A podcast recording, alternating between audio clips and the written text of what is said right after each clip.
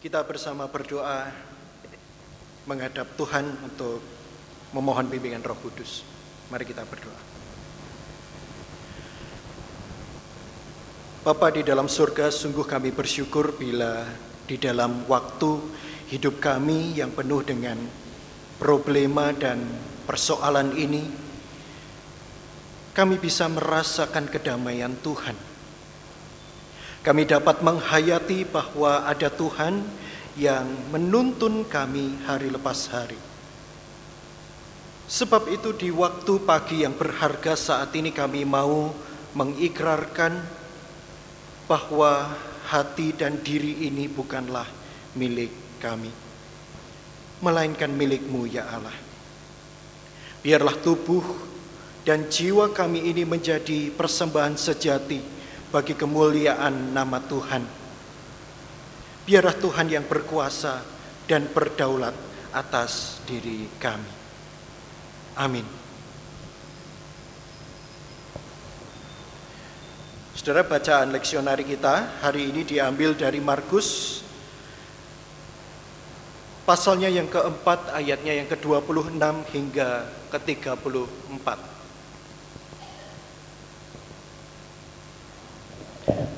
Markus 4 ayatnya yang ke-26 hingga ke-34 saya akan bacakan bagi kita sekalian. Lalu kata Yesus, beginilah hal kerajaan Allah itu. Seumpama orang yang menaburkan benih di tanah. Lalu pada malam hari ia tidur dan pada siang hari ia bangun.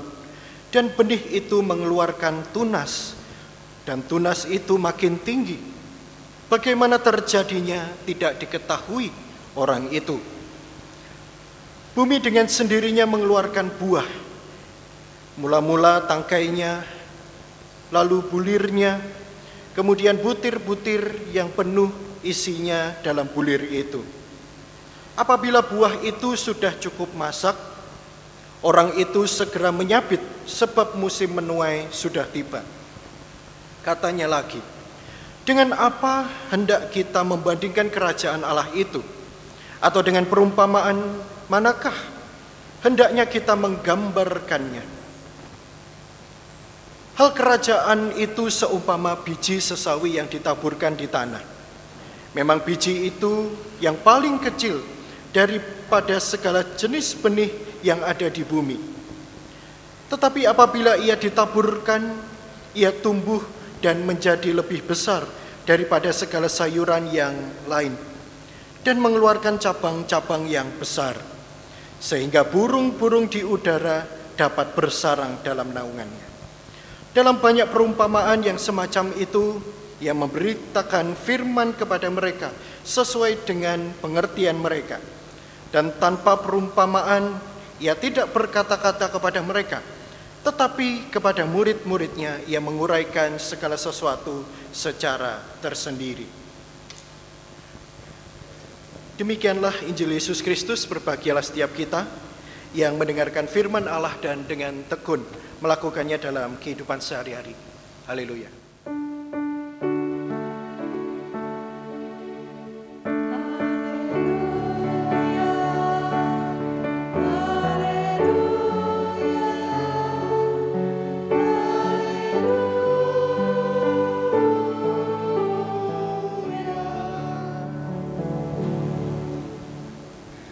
Sebelumnya saya mohon maaf Bapak Ibu Saudara Uh, saya minta tolong Mas Nanda bisakah ditutup uh, pintunya supaya suara-suara dari luar tidak masuk ke rekaman kita Bapak Ibu karena cukup sensitif uh, mic kita. Ya terima kasih Mas Nanda. Bapak Ibu Saudara yang terkasih dalam nama Tuhan,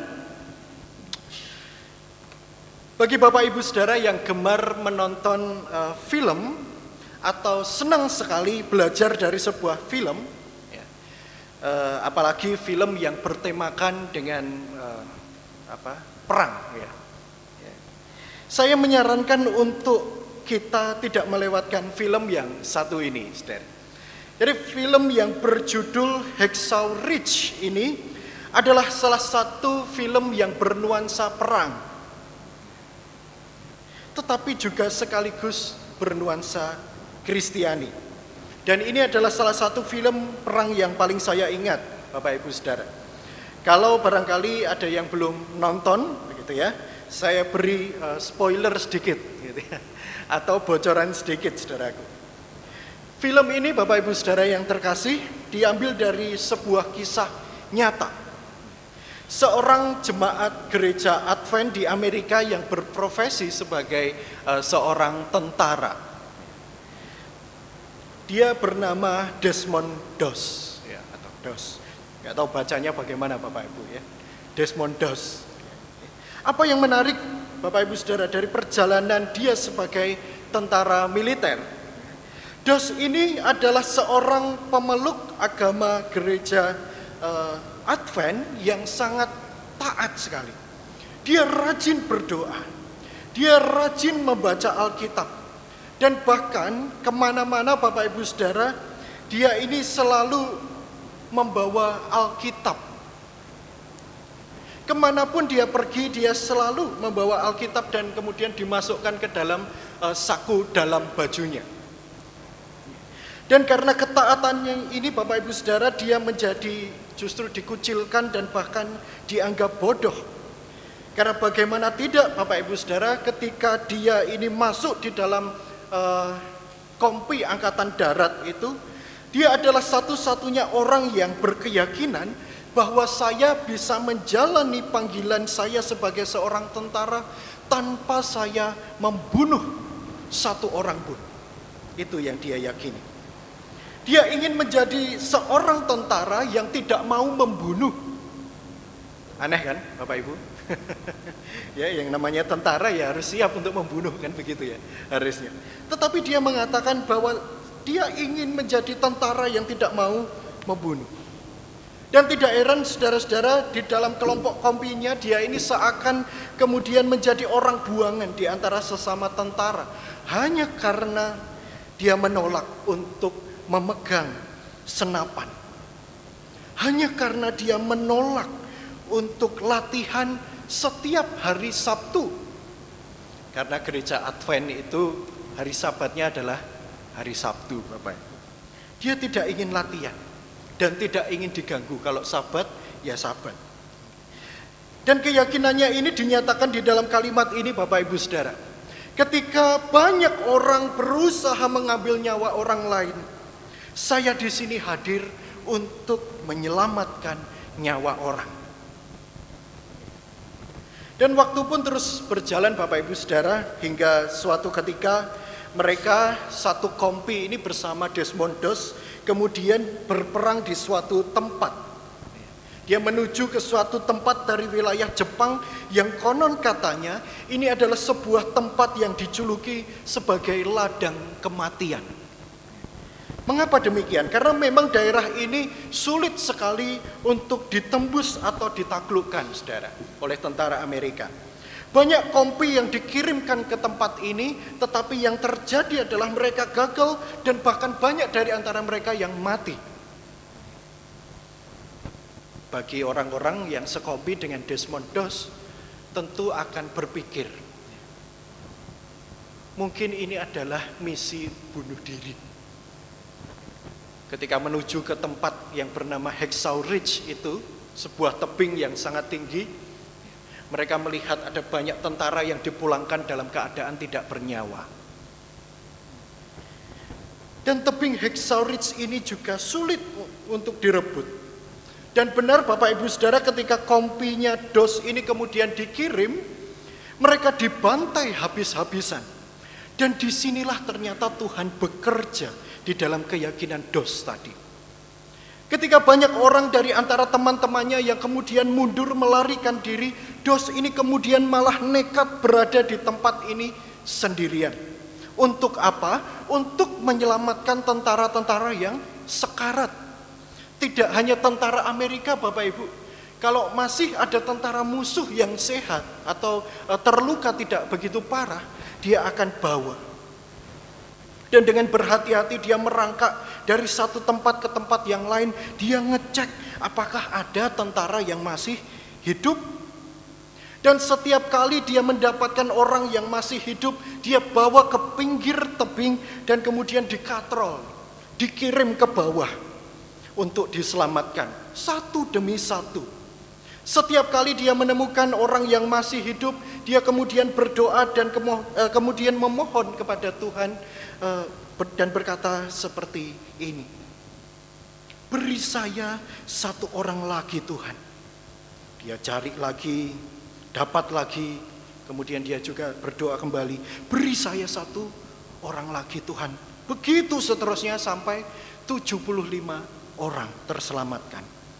Dia tidak istirahat siang dan malam karena dia terus mencari dan menyelamatkan orang yang diduga tewas atau hilang. Tetapi dia akhirnya menemukan mereka satu demi satu. Sampai kemudian saudara-saudara dos ini hampir mati dan kemudian ditemukan oleh teman-temannya. Waktu dia sadar pertama kali yang dicari apa Bapak Ibu Saudara oleh dos? Alkitabnya. Tolong Alkitabku jatuh. Ya kalau jatuhnya di rumah atau di jalan Bapak Ibu Saudara barangkali masih mudah, gampang gitu ya untuk dicari. Tetapi ini jatuhnya di medan perang. ya. Untungnya kok ketemu Bapak Ibu Saudara. Dan karena perbuatannya inilah dia kemudian dianugerahi Medal of Honor. Medali penghargaan tertinggi yang diberikan oleh pemerintah Amerika. Sepanjang umur uh, Amerika Serikat hanya 3000 orang yang diberikan uh, medali ini Bapak Ibu Saudara. Saudara terkasih, hidup bertanggung jawab dalam prinsip dan keyakinan kita pada Tuhan itu memang tidak mudah. Sungguh sulit. Apalagi bila yang kita jalani ini adalah sebuah ketetapan Tuhan, sesuatu yang berada di luar kedaulatan kita dan menjadi kedaulatan Allah di mana kita tidak memiliki hak untuk mengatur jalan kehidupan yang kita miliki. Tetapi kita diperintahkan untuk hidup di dalamnya. Lihatlah Bapak Ibu Saudara, apa yang sedang dihadapi oleh dos ini. Dia harus berhadapan dan bertahan dengan panggilannya. Dengan resiko atau dampak yang barangkali tidak mudah. Dia harus dikucilkan. Dia harus dipukuli oleh teman-temannya. Hanya karena dia memiliki prinsip yang demikian itu tadi. Dia juga bahkan sempat akan dikeluarkan oleh komandan kompinya dengan tuduhan fitnah. Tetapi sekalipun situasinya demikian saudaraku, di tengah segala ketidakpastian dan tekanan yang begitu besar itu tadi, ketika kemampuan diri dos ini tadi untuk mengendalikan situasi tidak lagi mencukupi, dos memilih untuk tetap melakukan sesuatu yang menjadi bagiannya. Ini yang menarik. Dia berusaha untuk mengatasinya dengan tetap tenang, dengan jiwa yang kuat, dengan jiwa yang sehat. Dia sadar bahwa dia tetap bisa mengendalikan dirinya. Dia bisa menguasai jiwanya sendiri sedemikian rupa, sembari Allah memberikan ketetapan dan menunjukkan jalan itu baginya. Allah bekerja di dalam kedaulatannya. Dia pun juga bekerja di dalam kedaulatannya sebagai manusia. Saudara, rancangan Allah ini memang sering kali kita lihat sebagai sesuatu yang menjadi misteri. Betul ya? Dan dos ini mungkin bisa bertanya dan menyesal mengapa Tuhan memberikan jalan ini baginya. Tetapi yang dia lakukan ternyata hanya satu dia melakukan tugas panggilannya itu dengan setia. Dos ini sadar Bapak Ibu Saudara bahwa ketika dia masuk militer sejak awal untuk ketetapan Allah. Dan dia mau menjalaninya dengan penuh komitmen. Dan ternyata ketaatan yang dia lakukan itu tadi terhadap panggilan dan komitmen ini sedikit demi sedikit berbuah. Bahkan tanpa ia sadari ia justru membuka jalan kemenangan itu dan bahkan ia mampu menggerakkan rekan-rekannya yang lain untuk bangkit di tengah keputusasaannya. Saudara kasih Tuhan di dalam Markus 4 Tuhan Yesus ini menceritakan beberapa perumpamaan. Dan perumpamaan yang telah kita baca pada hari ini ditempatkan tepat setelah Yesus ini berbicara mengenai peran sebuah pelita. Ya, kalau Bapak Ibu Saudara melihat dalam bacaan yang sebelumnya, Yesus menceritakan tentang pelita. Dan pada Injil yang lain kita juga mengingat ada salah satu mandat yang uh, Yesus katakan kepada kita, ya, kepada para muridnya sebagai manusia, bahwa kamu adalah garam dan terang dunia. Itulah yang dikatakan. Dari beberapa Injil tersebut Bapak Ibu Saudara secara tidak langsung sebenarnya Yesus ini menggarisbawahi sebuah makna yang sama. Tidak berbeda satu dengan yang lain. Bahwa yang namanya pelita itu tidak boleh bersembunyi atau tidak boleh tersembunyi. Tidak bisa diletakkan di bawah gantang atau kolong melainkan harus berada di sebuah tempat yang tinggi yang bisa menerangi setiap sudut ruangan.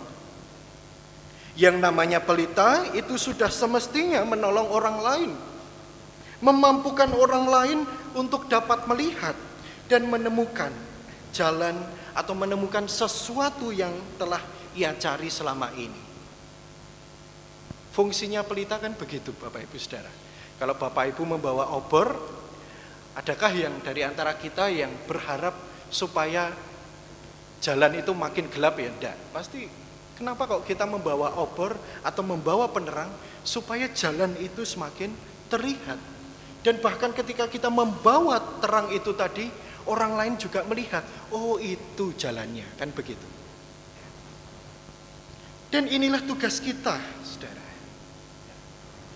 Yang perlu kita ingat, bahwa kita ini adalah sebuah pelita dan hal ini diwujudkan Bapak Ibu Saudara di dalam panggilan kita mewartakan kerajaan Allah.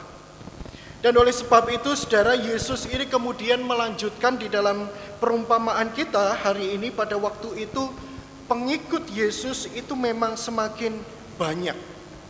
Tetapi banyak dari antara mereka yang masih belum mengerti dan memahami bagaimana kerajaan Allah itu, Saudara. Bagaimana menghadirkan kerajaan Allah di dalam dunia. Bahwa yang namanya kerajaan ya berarti kerajaan di dalam konsep mereka sebagai manusia. Yang namanya kerajaan saudara-saudara berarti kita harus sama halnya dengan mengalahkan penguasa yang saat itu sedang berkuasa. Mengalahkan penguasa harus dengan kekuasaan yang lebih tinggi. Namun ternyata bukan itu saudara yang Yesus maksudkan di sini. Kerajaan Allah itu bagaikan perkara yang sangat sederhana. Yaitu adalah kesetiaan seorang petani di dalam menabur benih. Kerajaan Allah itu ibarat perkembangan benih yang ditabur oleh seorang petani, seorang yang sebenarnya tidak sepenuhnya memahami atau mengerti mengenai tumbuhnya benih, namun pada akhirnya menghasilkan panen yang berlimpah. Sang penabur ini melakukan apa yang menjadi bagiannya dan dia punya apa yang dia bisa kendalikan. Apa yang menjadi kedaulatannya yaitu pemikiran atau pikiran yang optimis bahwa dia memahami dan menghayati bahwa ujungnya nanti saya akan memetik hasil panen dari apa yang telah saya taburkan. Di luar daripada itu Bapak Ibu Saudara sang penabur jelas tidak memiliki kendali atau kedaulatan atas pertumbuhan benih itu hingga saat panen itu tiba. Di dalam ayatnya yang ke-27 tadi di sana dikatakan, lalu pada malam hari ia tidur dan pada siang hari ia bangun. Dan benih itu bertunas dan bertumbuh. bagaimana terjadinya tidak diketahui oleh orang itu. Di dalam proses pertumbuhan itu ada banyak kemungkinan yang bisa terjadi, saudara. Barangkali bisa ada datang serangan hama, kekeringan, kebanjiran, dirusak oleh hewan, dan lain sebagainya yang bisa menggagalkan hasil panen itu. Atau sebaliknya, tanaman itu justru bisa terpelihara, bebas dari segala penyakit, serangan hama, dan akhirnya bisa memanen.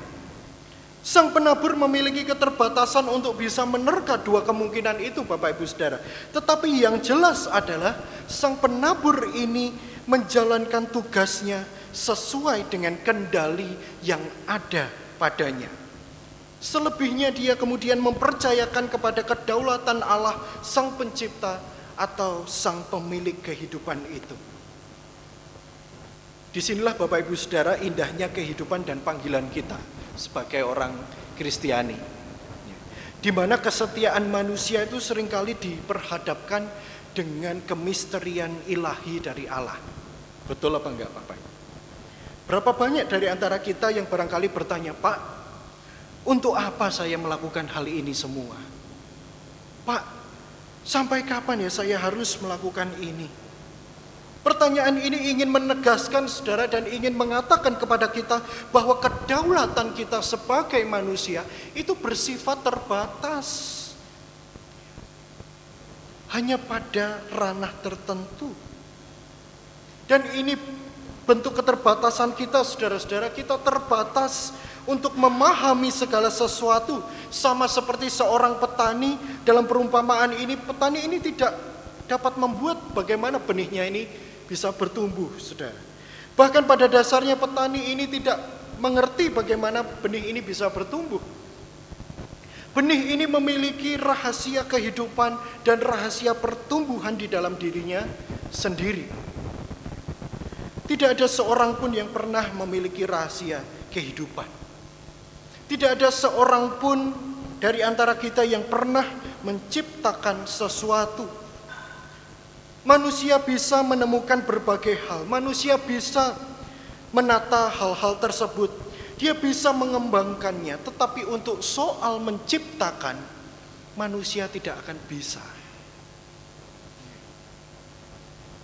Kita tidak akan dapat menciptakan kerajaan Allah. Kerajaan itu pada dasarnya adalah kepunyaan Allah. Benar bila kita ini bisa menghalangi atau sebaliknya kita bisa menciptakan situasi di mana kerajaan Allah itu bisa datang lebih cepat atau lebih lambat. Iya. Namun di balik itu semua Bapak Ibu Saudara bahwa ada Allah dan kuasa dan kehendaknya. Tidak ada yang lain, saudara. Bapak Ibu Saudara yang terkasih dalam nama Tuhan kita perlu bersama memahami bahwa di dunia ini itu ada dua jenis kedaulatan.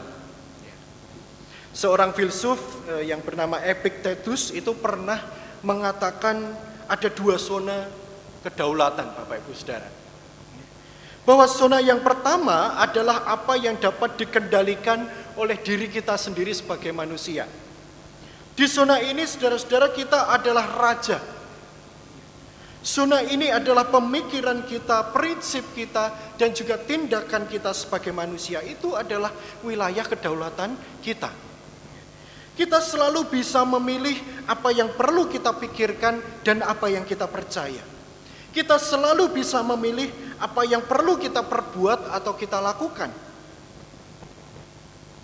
Tidak mungkin Bapak Ibu Saudara kita ini kehilangan kendali atas diri kita. Wah Pak saya ini kilaf. Sebenarnya aneh juga kalau dipikir-pikir Bapak Ibu Saudara. Karena kilaf itu kan berarti kita tidak sadar.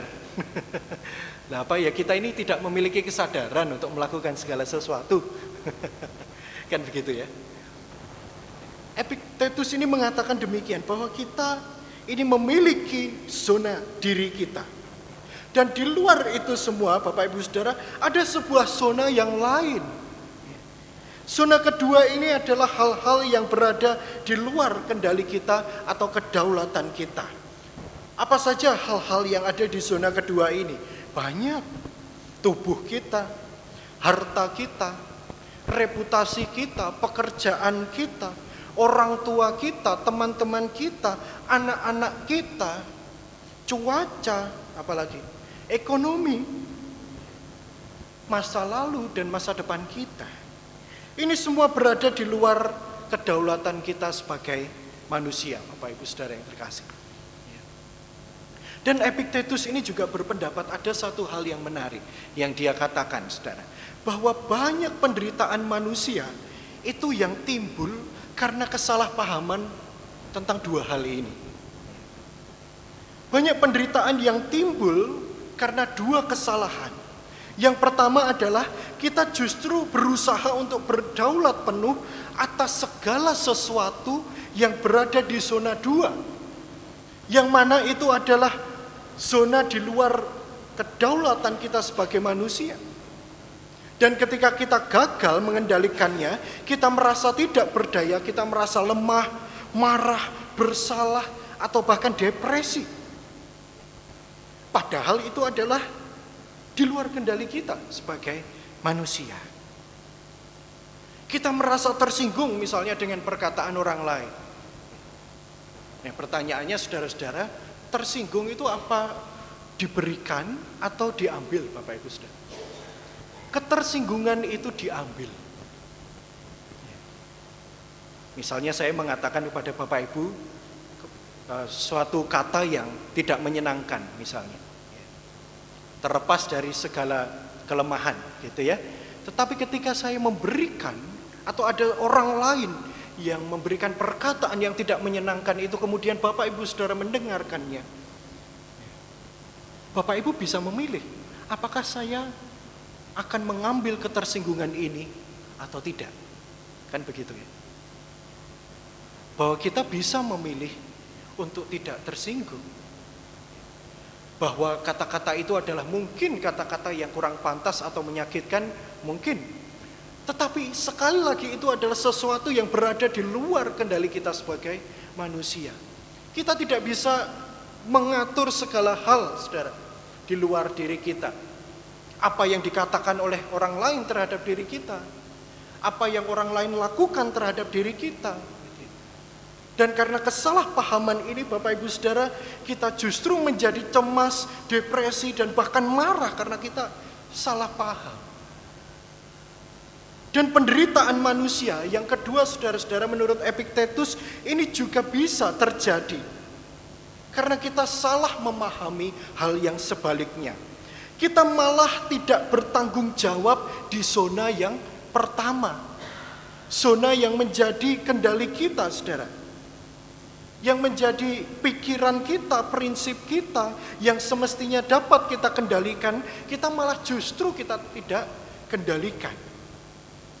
Malah kita menyalahkan pikiran kita sendiri terkait dunia luar. Kita menyalahkan orang e, lain misalnya, teman-teman kita, kita menyalahkan kondisi lingkungan kita, kita menyalahkan kondisi ekonomi kita dan lain sebagainya. Kemudian kembali kita merasa getir, tidak berkutik dan merasa sebagai seorang korban. Nah kita belajar Bapak Ibu Saudara dari seorang filsuf yang bernama Epictetus ini bahwa segala sesuatu yang di, ada di dalam hidup ini dan kehidupan kita kita harus benar-benar memahaminya. Ada dua ranah. Ada sesuatu yang bisa kita bersama hayati sebagai kendali kita. Sebaliknya ada sesuatu yang juga berada di luar kendali kita. Hanya satu hal saja kita berdaulat, yaitu atas pikiran dan prinsip hidup kita dan tindakan kita. Bapak Ibu Saudara yang terkasih dalam nama Tuhan, oleh karenanya saya ingin mengatakan demikian bahwa layaknya seperti seorang penabur itu tadi kita belajar bersama-sama bahwa kita harus mengoptimalkan apa yang mampu kita lakukan. Itu wajib Bapak Ibu Saudara. Seperti apa yang dikatakan oleh Epictetus, kita punya ruang kedaulatan. Ya ini pikiran dan prinsip kita sebagai manusia. Jangan biarkan kita dikuasai oleh pesimis, perasaan pesimis atau hal-hal yang merugikan kita. Jangan pernah kita izinkan bimbang dan ragu menggantikan keyakinan iman kita. Kedaulatan kita yang pada dasarnya adalah Allah sendiri yang memberikannya kepada kita. Adalah dengan melakukan, mengerjakan tugas sebagai seorang penabur itu tadi. Jadi kita bisa memulai dari hal yang paling kecil sekalipun, namun dengan cinta yang besar kita bisa memulai menabur mulai saat ini, saudara. Apa yang bisa kita kerjakan?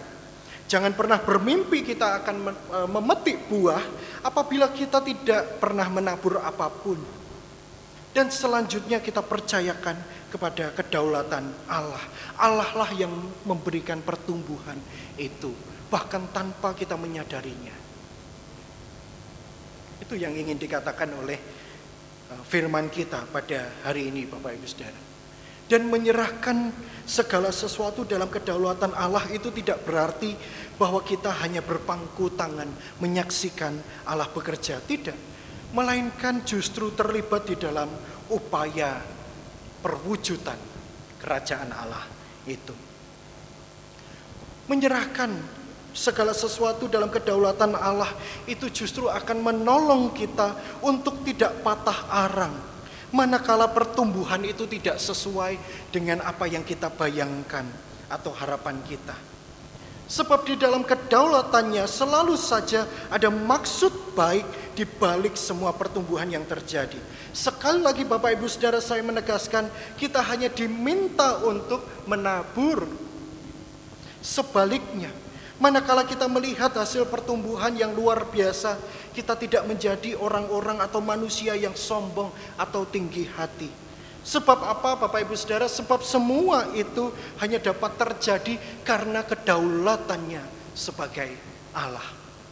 Itu yang harus kita pahami bersama. Bukan karena kendali diri kita sendiri.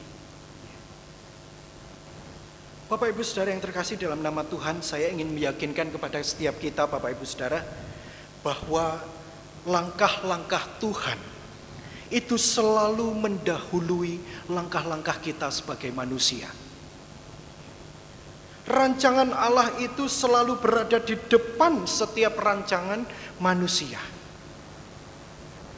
Oleh karenanya mari bersama saudara kita ini tunduk tidak hanya pada iman dan ajarannya, tetapi juga lebih lagi daripada itu semua kita tunduk pada setiap rencana dan rancangannya. Sebagai orang yang percaya Bapak Ibu Saudara, mari kita bersama letakkan kedaulatan kita ini sebagai manusia di bawah kedaulatan Allah.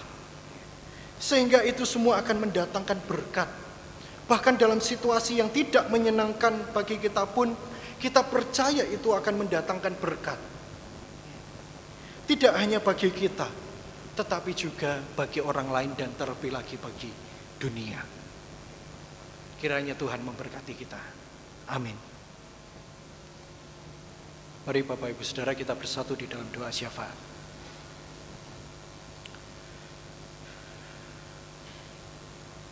Di dalam keheningan pagi ini ya Tuhan, sungguh kami kembali disadarkan dan bahkan disegarkan oleh firman-Mu. Kami sungguh menyadari ya Tuhan bahwa sering kali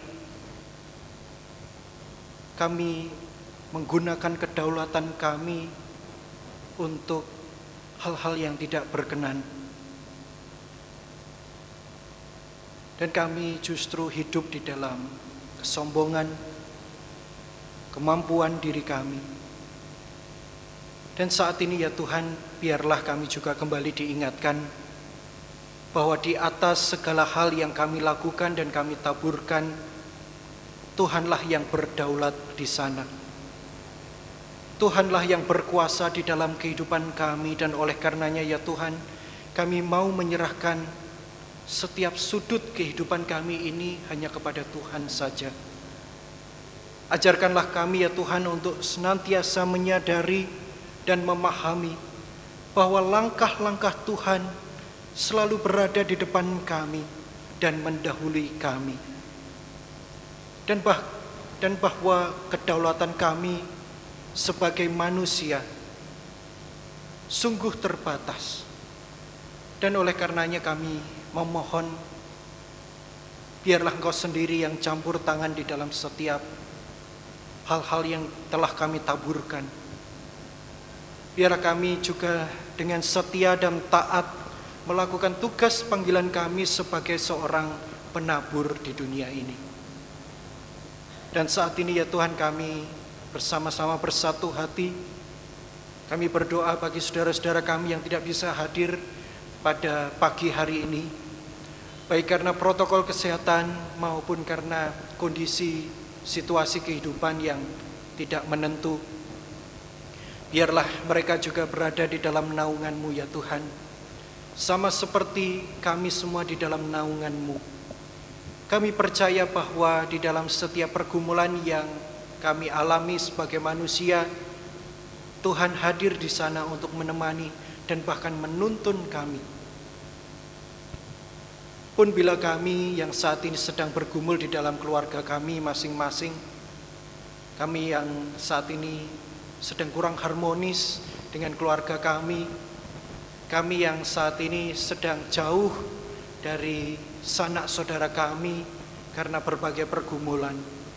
Biarlah Tuhan sendiri yang hadir bagi kami semua. Dan kami percaya bahwa Tuhan juga akan memberikan hikmat kebijaksanaan bagi kami untuk kami bisa memilih jalan kehidupan itu sebagaimana yang kau kehendaki. Biarlah kami berperan di dalam kendali kami sebagai manusia yang utuh.